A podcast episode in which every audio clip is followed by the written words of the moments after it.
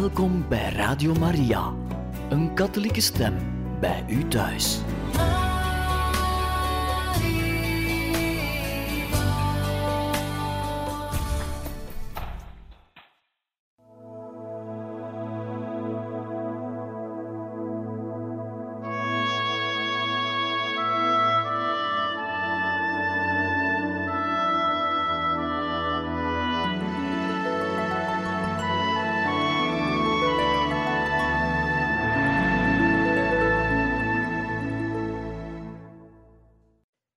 Luisteraars van Radio Maria, hartelijk welkom in dit programma Heilige Getuigen, waar wij verder gaan met de lezing uit het boek De Wenende Maagd van La Salette, geschreven door eerwaarde heer De Vleeschouwer. We starten nu met hoofdstuk 11, actuele betekenis van de boodschap en het onderwerp mateloze liefde. We wensen u een deugddoende lezing toe. De tranen en de droefheid van onze hemelmoeder te La Salette, op een van de meest tragische momenten van de wereldgeschiedenis, spreken ons van haar moederlijke bezorgdheid en van haar uitnemende liefde, die steeds in staat zijn het mensdom tegen nog ergere rampen te vrijwaren. Maar velen steunen te veel op de strengheid van deze wenende maagd, die daar in die ruwe woeste bergen neerdaalde om er te wenen, om aan twee simpele kinderen overweldigende waarheden mee te delen en uiterst strenge straffen te voorspellen. Haar bezoek is veel troostvoller en meer overeenkomstig met de werkelijkheid wanneer men het feit durft voor ogen zien dat onze lieve vrouw daar door haar tranen van liefde, bij middel van twee naïeve kinderen, de wereld die naar de afgrond strompelt, van dit dreigend gevaar wil bewust maken. Men zou moeten blind zijn om niet te zien dat de mensheid reeds een eeuw lang, zonder het te merken, doorheen plezier en vermaak naar haar ondergang rent. Men voelt aan dat de materiële en technische vooruitgang de mensen iedere krachtinspanning ontneemt en hen aanzet tot gemakzucht en jaloerse hovardij. De moderne mens voelt geen nood meer aan God. Hij heeft God opzij gezet, hem verloren en vergeten. Zo was de toestand een eeuw geleden, zo is hij nog op onze dagen. Is de geschiedenis niet een voortdurend herbeginnen? Nochtans, af en toe laat God voelen dat Hij nog bestaat, dat Hij tenslotte in alles nog het laatste woord heeft. Een duidelijk bewijs daarvan waren de gruwelijke rampen tijdens de Laatste Wereldoorlog en de bloedige conflicten sedertien, waaruit de mensen zoveel zouden kunnen leren. Maar wat is er terechtgekomen van al de goede voornemens gemaakt in concentratiekampen en in schuilkelders. Na al die oorlogsontberingen ging de massa nog meer dan ooit op jacht naar genot en plezier. Ze wou haar schade inhalen en profiteren zonder maat.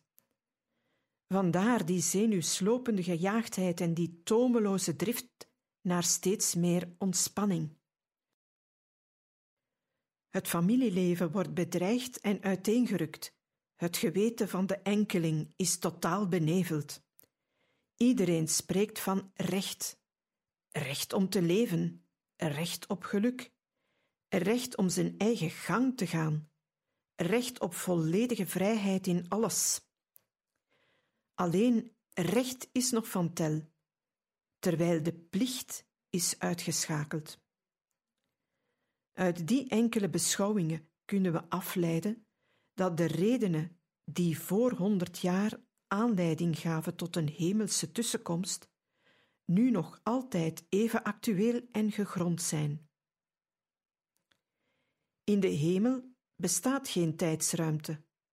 Verleden, heden en toekomst liggen in God als in een onbeweeglijk eeuwig nu. De hemel ziet de mensheid fataal naar haar ongeluk strompelen. Dat kan de eindeloos liefdevolle moeder niet langer aanzien. Daarom daalt ze enkele ogenblikken neer bij haar wispelturige en opstandige kinderen. Op een ruwe steen gaat ze neerzitten en begint te wenen. Het zijn tranen van tedere liefde, niet voor zichzelf, maar voor haar geliefd volk, zoals eertijds haar goddelijke zoon weende over de zonde van Jeruzalem en van gans de wereld. Door haar tranen heen brengt ze haar boodschap aan twee schamele kinderen, die zij met opzet heeft uitgekozen. Zij had daartoe onschuldige zielen nodig, ver van de wereld afgezonderd, door hun jeugdige leeftijd, door hun ongekunstelde eenvoud en door de eenzaamheid van de stille, verlaten bergen. Naar Jezus' voorbeeld toont Maria ook een bijzondere voorliefde voor de kleinen en verkiest die bij voorkeur als de dragers en de boodschappers van haar hemelse zendingen. Haar speciale liefde gaat naar hen om reden van hun reine onschuld, van hun kinderlijke eenvoud en oprechtheid en van hun naïeve onwetendheid, die het hun onmogelijk maakt die bovennatuurlijke tussenkomsten uit te vinden of voor te stellen. Bij de twee herders van La Salette vindt men deze onschuld, deze ongekunsteldheid en de absolute onmogelijkheid de gebeurtenis van 19 september 1846 te fantaseren. Velen nogthans schijnen over deze verschijning ten zeerste geërgerd. Zonder naar de grond van de zaak te zoeken, hebben ze de feiten van La Salette aangevallen, in twijfel getrokken of gelogend. Maar het zijn alleen zij die de tedere liefde van onze hemelmoeder niet begrijpen, die er het meest weten tegen in te brengen.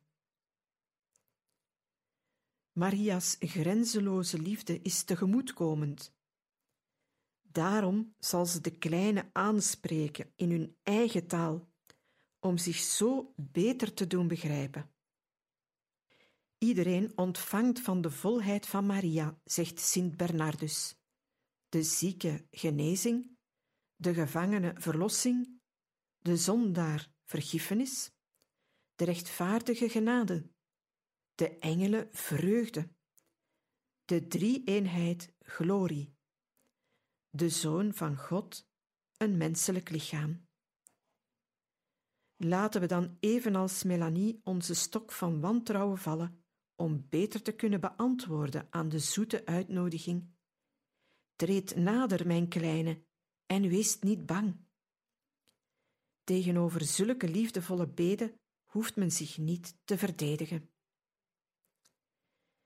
Naderen we heel dicht bij de wenende maagd en luisteren we met open hart naar haar dringende boodschap van droefheid, om ons zo heel en al met haar tedere liefde te laten doordringen.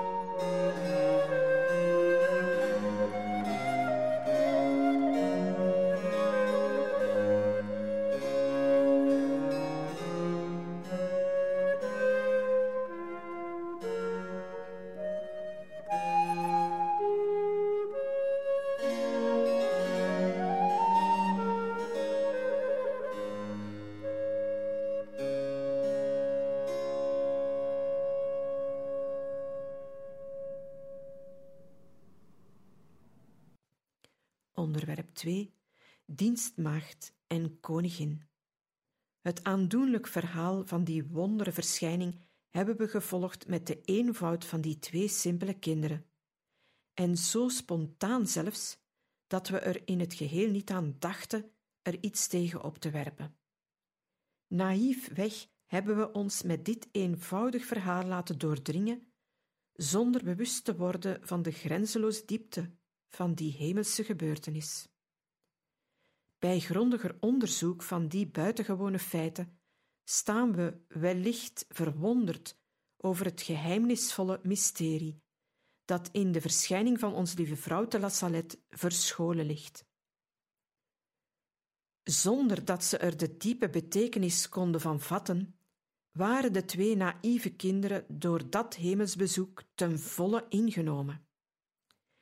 Ze waren slechts tussenpersonen, of beter nog, instrumenten in dienst van de hemelse gezanten, om haar zo dringende boodschap aan de wereld te brengen. We zeggen instrumenten, want de twee koewachters waren totaal ongeletterd en niet in het minst in staat de betekenis van die gewichtige zending te begrijpen. Ze waren amper bekwaam om te zeggen wat ze gezien hadden, om de woorden van de schone dame te herhalen, zonder er de diepe zin van te vermoeden. Nooit waren ze naar school geweest. Van jongs af aan was Melanie op straat om te bedelen. Nadien werd ze uitbesteed op een boerderij. Ze had een gesloten karakter, was eigenzinnig en nogal wild, eigen aan kinderen waarvan niemand houdt. Huiselijke gemoedelijkheid kende ze niet. Ze miste een warm moederhart dat haar begreep. Maximin, een onbezonnen jongen, was gelukkig voor enige dagen te kunnen ontsnappen aan de vaderlijke strengheid en aan de stiefmoederlijke straffen en opspelingen. De kinderen misten allebei echte moederliefde. Was dat niet soms een van de redenen waarom de koningin der engelen hen als haar vertrouwelingen heeft uitverkozen? Op dat gewichtig ogenblik wisten de kleinen niet dat ze in de hemel ook een moeder hadden die hen kende, die hen begreep en hen met moederlijke zorg en liefde omringde. Niemand had hen dit geleerd en hun godsdienstige ontwikkeling reikte niet zo ver. Nauwelijks kenden ze de noodzakelijkste gebeden als het Onze Vader en het Weesgegroet. Nochtans, op dat ogenblik waren er in Frankrijk voorbeeldige christelijke en welopgevoede kinderen genoeg. En toch koos de koningin van hemel en aarde twee onterfden, arme, aan hun lot overgelaten proletariërskinderen.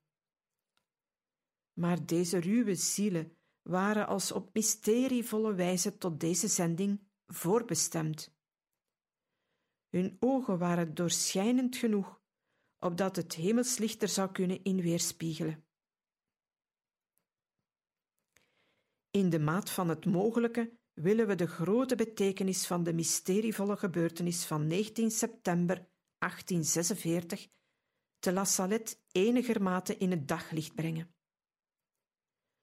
Zodra de kinderen de schone bezoekster bemerkten, waren ze vol aandacht en spanning voor dat wondergebeuren. Ze bekeken haar in al de details van haar uitnemende schoonheid. Van haar prachtige kledij hebben ze later nog de fijnste bijzonderheden trouw weergegeven. In de verschijning was alles in de zuiverste harmonie en het prachtigste evenwicht. Onze lieve vrouw hier beschrijven in haar volle werkelijkheid is absoluut onmogelijk. Maxime bekent dit zelf, waar hij zegt: Wanneer ik moet spreken over de schone dame die ik in de bergen gezien heb, is het mij altijd zeer moeilijk om die in haar volle werkelijkheid weer te geven. Verschillende schitteringen, stralen en schakeringen die zich door elkaar kruisten, vormde een onbeschrijfelijk geheel dat ik in woorden niet kan weergeven zonder er de waarde van te verminderen of te materialiseren. Gans de verschijning was één spel van licht en kleuren. Het ene schitterde al meer dan het andere, waardoor in die lichtgroet de vormen van voorschoot, schouderdoek, kroon, ketting, kleed, rozen, schoenen zich duidelijk aftekenden. In die prachtige kledij was er niets van deze aarde. Alles was van de zuiverste subtiliteit. Zo hebben de kinderen zonder het te weten een juiste beschrijving gegeven van de glorieuze lichamen, die volgens de leer van de theologen na de verrijzenis zullen begaafd zijn met licht, klaarheid en subtiliteit. In deze verschijning valt er veel te leren uit het realisme van haar kleding en houding, uit haar schitterend aureool van licht en kleuren, en ook uit haar tranen en droefheid.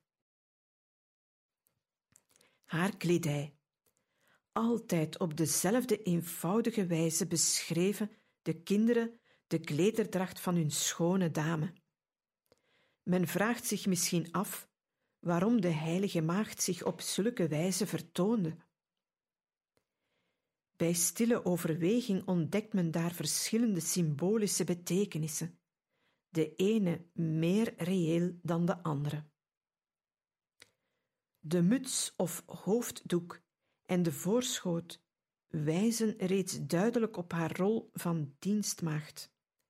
Ze verschijnt hier als de dienstmaagd van de Heer, die aan de geblaseerde, hoovaardige wereld een les van nederigheid kwam leren. Daarom de klederdacht van een meid.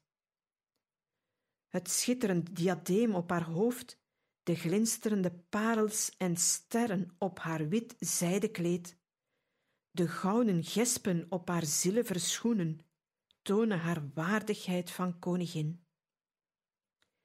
Welke overweldigende contrasten!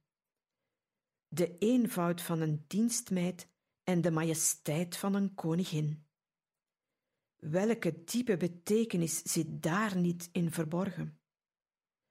Onze lieve vrouw verscheen op een bepaald tijdperk, in een bepaalde streek, aan simpele koewachters, en juist daarom verkoos ze de toenmalige kledij van een gewone volksvrouw van die tijd en die streek, om haar eerste boodschappers niet te veel in de war te brengen.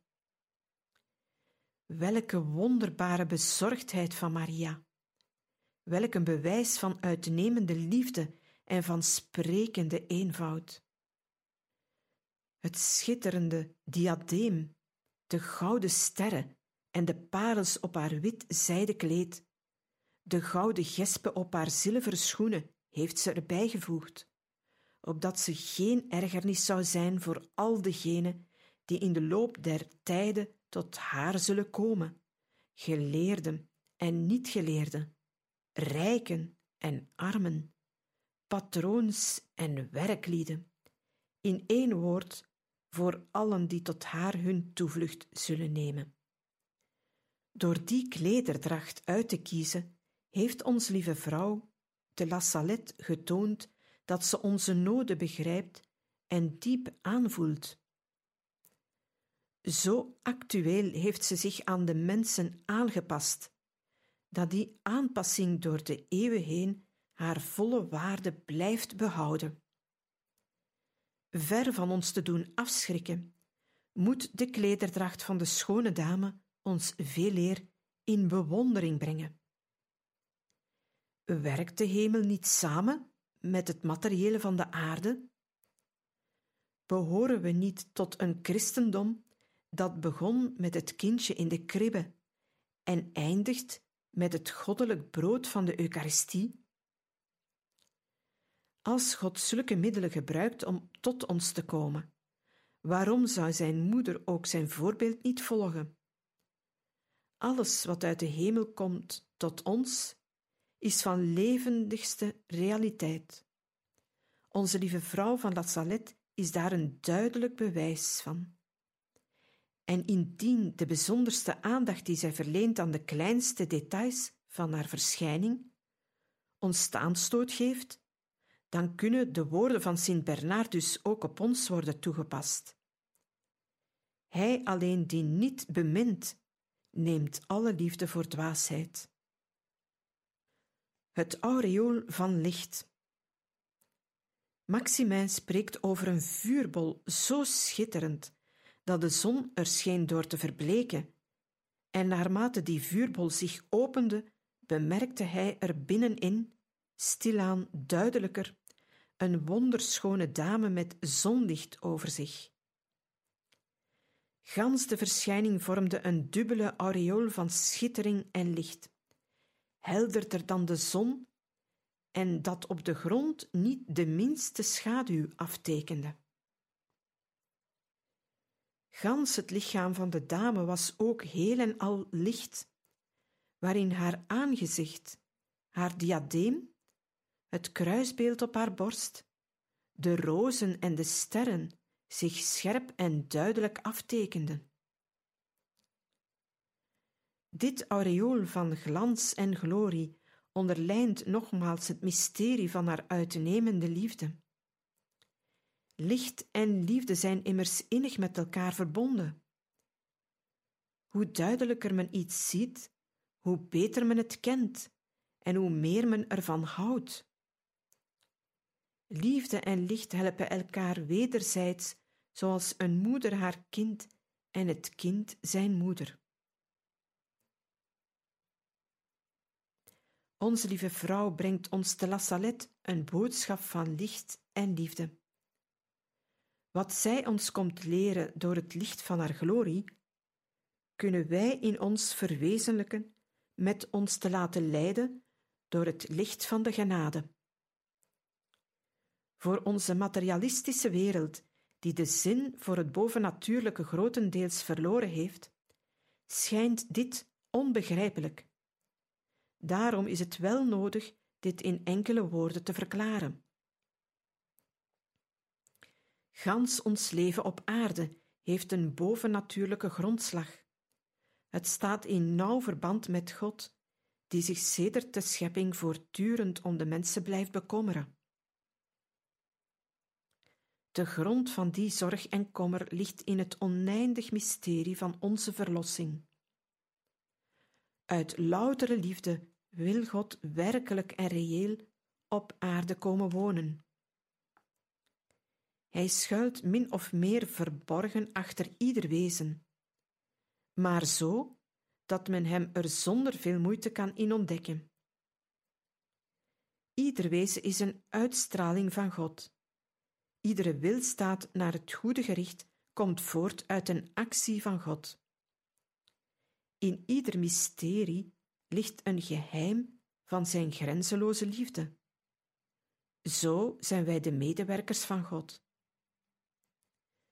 We komen van God en we moeten naar God terug. Daarom is Zijn voortdurende werking in ons nodig, willen we ons einddoel bereiken. De inwendige stem die we af en toe in de diepe stilte van onze ziel vernemen, wat is die anders tenzij Gods gedachte? Wat is die innerlijke drang in ons naar schoner en beter, tenzij Gods heilige wil? We schijnen voortdurend door iemand meegetrokken te worden naar onbekende horizonten. En die iemand kan slechts God zijn, die verlangt dat we meer en meer aan Hem gelijken. Zo is de genade, de werking van God in ons, een pure realiteit waarmee we vertrouwelijk kunnen omgaan. Die genade of dat goddelijk leven in ons verheft onze geest immer hoger en hoger. Maar de ene mens is daar meer bewust van en meer vatbaar voor dan de andere, de eenvoudige van harte meer dan de geblaseerde, de volmaakte meer dan de halfslachtige. Zo was het voor Maximin onmogelijk de fijne details in het aangezicht van de dame te onderscheiden, terwijl Melanie er de minste bijzonderheden duidelijk kon van merken. Iedereen ontvangt ruimschoots voldoende genade om in mindere of meerdere mate het aureool van glorie van de Heilige Maagd te kunnen aanschouwen. En naar gelang we met die genade meewerken, worden we meer van haar hemelse glans en schoonheid doordrongen. Haar tranen en droefheid. Het derde punt dat ons treft bij het zien van de hemelse gezanten zijn haar smartvolle tranen. Het is daarom dat men haar noemt de wenende macht. Die tranen van Maria geven het welsprekendst commentaar van haar hemelse zending. Over alle eeuwen en tijden vloeien de tranen van de moeder van smarten, zodat het pijnlijk geween van de moeders, van de weduwe of wezen, niets meer kan toevoegen aan haar tranenvloed. Alle gewonden, vluchtelingen of verdrukten, gans de lijdensprocessie die over de hobbelige wegen van het leven voortstrompelt, schuilen in de brede plooien van de slepende azuren mantel van onze lieve vrouw van smarten. Telkens iemand in tranen losbarst, is het alsof zij zelf weent, omdat als vorstin van hemel en aarde alles haar toebehoort. De tranen van Maria zijn het bloed van Jezus zelf op een andere wijze vergoten. Haar medelijden met haar gemartelde zoon was in zijn menselijk oog reeds een inwendige kruisiging. De tranen van Maria en het bloed van Jezus zijn een dubbele vloed uit éénzelfde hart, zodat het medelijden van de Heilige Maagd met haar goddelijke zoon echt lijden was. Zoals Adam en Eva samengewerkt hebben in de zonde, zo hebben zoon en moeder de wereld vrijgekocht door samen te lijden. Evenals in een van de eerste hoofdstukken van de Bijbel God Kain ter verantwoording roept: Kain, wat hebt gij met uw broeder gedaan? Zo stelt God een gelijkaardige vraag aan de zondige wereld. Wat hebt gij met uw moeder gedaan? In mijn verbeelding zie ik een zoon die na afschuwelijke misdaden heimelijk weer thuiskomt. Zijn teleurgestelde, diep bedroefde moeder zit daar, met eindeloos geduld op hem te wachten. Uiteindelijk ziet ze hem binnenkomen. In mateloos wee verbergt ze haar van droefheid gerimpeld aangezicht in haar handen. Ze weent zo bitter om het schandelijk gedrag van haar kind.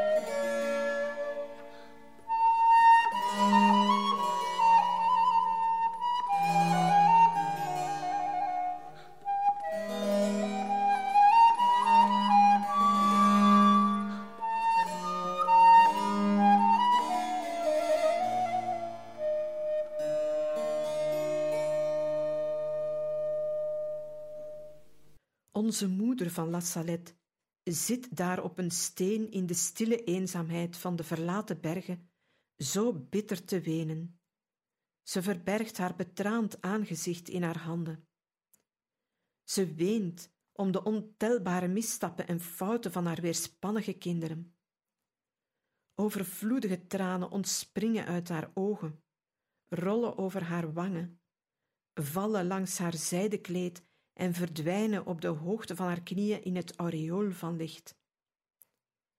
In weemoed en droefheid leert onze moeder ons daar dat ook onze tranen, die voortkomen uit onze ellende, moeten verzwinden in het licht van de liefde. De enige waarde van onze smart en droefheid is die welke wij eraan geven door die te verwensen of te heiligen naar gelang we ons steunen op haat of op liefde. Als onze lieve vrouw de La Salette over ons weende, was het uit louter liefde en bitter begrijpen van onze ellende, om ons daardoor de oorzaken van onze tranen beter te doen inzien en aanvoelen. Willen wij ons individueel en familiaal leven weer gezond maken, dan is het nodig dat we ons genadeleven, onze intimiteit met God, herstellen. Welnu, de bron van deze intimiteit ligt niet in het verrichten van buitengewone dingen, maar in een dood eenvoudig gebaar. Te drinken uit dezelfde beker, de beker van droefheid en smart, door de gekruisigde Christus gekozen om de wereld te redden. Zo wordt de beproeving de beste en zekerste vorm van heiliging. Want wanneer men iets doet, kan men zich vergissen en misdoen. Maar men kan nooit misdoen door te lijden. Om ons dat te leren, begon onze lieve vrouw te La Salette te wenen, vooraleer ze haar boodschap meedeelde zalige tranen, door u te zien vloeien, begrijpen we dat gij op uzelf reeds een bijzondere boodschap bevat, een boodschap van liefdevolle barmhartigheid en van betrouwvolle hoop. Want ge bewijst ons dat Gods barmhartigheid eindeloos ver de miserie van de mensen overtreft. De genade in dit leven en het vooruitzicht van de glorie in het andere schenken ons voor al de pijnen die we flink doorstaan, nu reeds de hemelse vreugde. De hele kwestie is dus kranig ons lijden te dragen. Daartoe zal onze lieve vrouw van La ons uitnodigen, wanneer ze ons haar boodschap zal meedelen.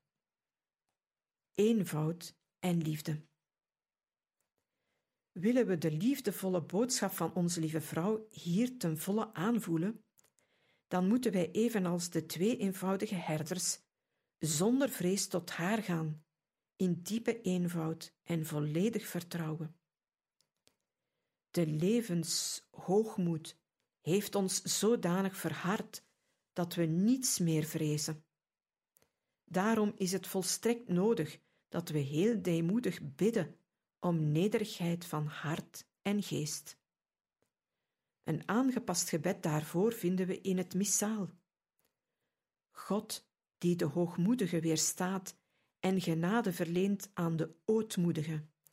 Geef ons de deugd van ware ootmoed, waarvan uw geboren zoon in zichzelf een voorbeeld aan de gelovigen getoond heeft, opdat wij nooit door verheffing uw gramschap uitdagen, maar eerder door vernedering de gave van uw genade verwerven, door Christus onze Heer. Amen. Luister dan in geest van ootmoed en nederigheid naar de woorden van de hemelse gezanten. In geval u er misschien maar een greintje van meedraagt, laat het dan in u groeien en rijpen, en spontaan zult u beseffen dat uw leven een heel andere wending nodig heeft. Als mijn volk zich niet wil onderwerpen, dan moet ik de straffende arm van mijn zoon laten neervallen. Hij is zo zwaar, zo terneerdrukkend, dat ik hem niet langer meer kan tegenhouden. Deze bittere klacht omvat onze eigen hoogmoedige opstandigheid, Gods gegronde rechtvaardigheid en gans het middelaarschap van Maria. Het verder vervolg van haar boodschap is slechts een nadere beschrijving van deze hoofdgedachte. Het drama behelst dus drie elementen. De mens die zich vrijwillig afkeert van God en zich hals over kop in de zonde werpt. De goddelijke meester die gereed is om de zondige mensheid zwaar te straffen. En onze hemelmoeder die de dreigende straffen wil tegenhouden.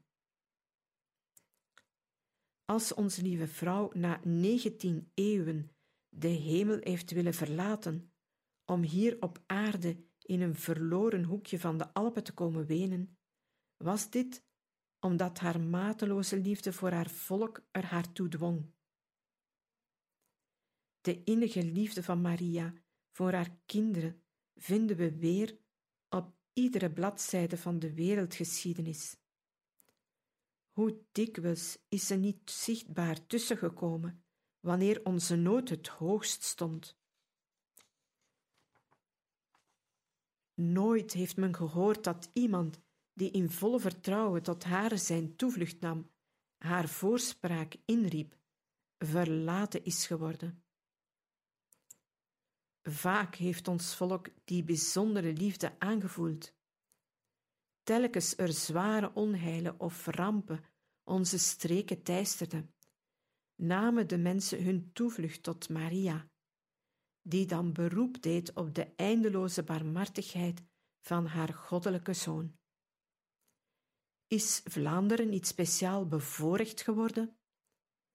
Grote heiligdommen en ontelbare kapelletjes getuigen van bekomen gunsten en weldaden, van innige dankbaarheid en warme liefde van het volk voor zijn machtige hemelkoningin. Niet één moeder heeft gedaan voor haar kinderen wat zij deed voor ieder van ons. Telkens we langs een zijspoor dreigden verloren te lopen, was zij daar om ons tot bezinning terug te roepen. Hoe pijnlijker onze nood, hoe dringender haar zalvende tussenkomst, gedwongen door liefdevol medelijden niet tegenstaande onze hovaardij en opstandigheid. Daarvan getuigt de La Salette haar hemelse vermaning. Sinds de tijd dat ik voor u lijd, moet ik onophoudelijk voor u bidden. Anders zou mijn zoon u verlaten, en gij hecht daar geen belang aan. Hoe ge ook bidt, wat ge ook doet, nooit zult ge mij de moeite kunnen vergoeden die ik mij voor u heb getroost. Is het niet droef dat zoveel nog weerspannig en ondankbaar blijven tegenover zulke moeder? De reden hiervan ligt niet ver. Menselijke hoogmoed, het verwerpen van Gods geboden en ongeregelde zucht naar plezier en genot. De liberale opvattingen met hun zucht naar volledige vrijheid en totale onafhankelijkheid hebben in allerlei drogredenen de geest van de mensen misleidt. Hoe meer ze de volledige vrijheid voorop stellen, hoe meer ze vervallen in de ergste slavernij van hun eigen driften. De wetten van God werpen ze als zware ballast overboord, in de waan dat deze de mensheid verknechten en aan banden leggen. Helaas, daardoor zelf smeden ze ijzeren harnassen die hun alle vrije beweging ontnemen. De ware vrijheid vinden we alleen bij de kinderen Gods. Het zich vrijwillig plooien naar Gods geboden staalt en veredelt de mens en maakt hem meester over zichzelf. Beste luisteraars van Radio Maria, we beëindigen hier voor vandaag deze lezing uit het boek De Wenende Maagd van La Salette en gaan volgende keer verder met het onderwerp eenvoud en liefde. We hopen dat deze lezing u veel deugd gedaan heeft en u veel genade heeft verleend. Wensen u nog een gezegende avond toe en tot een volgende keer.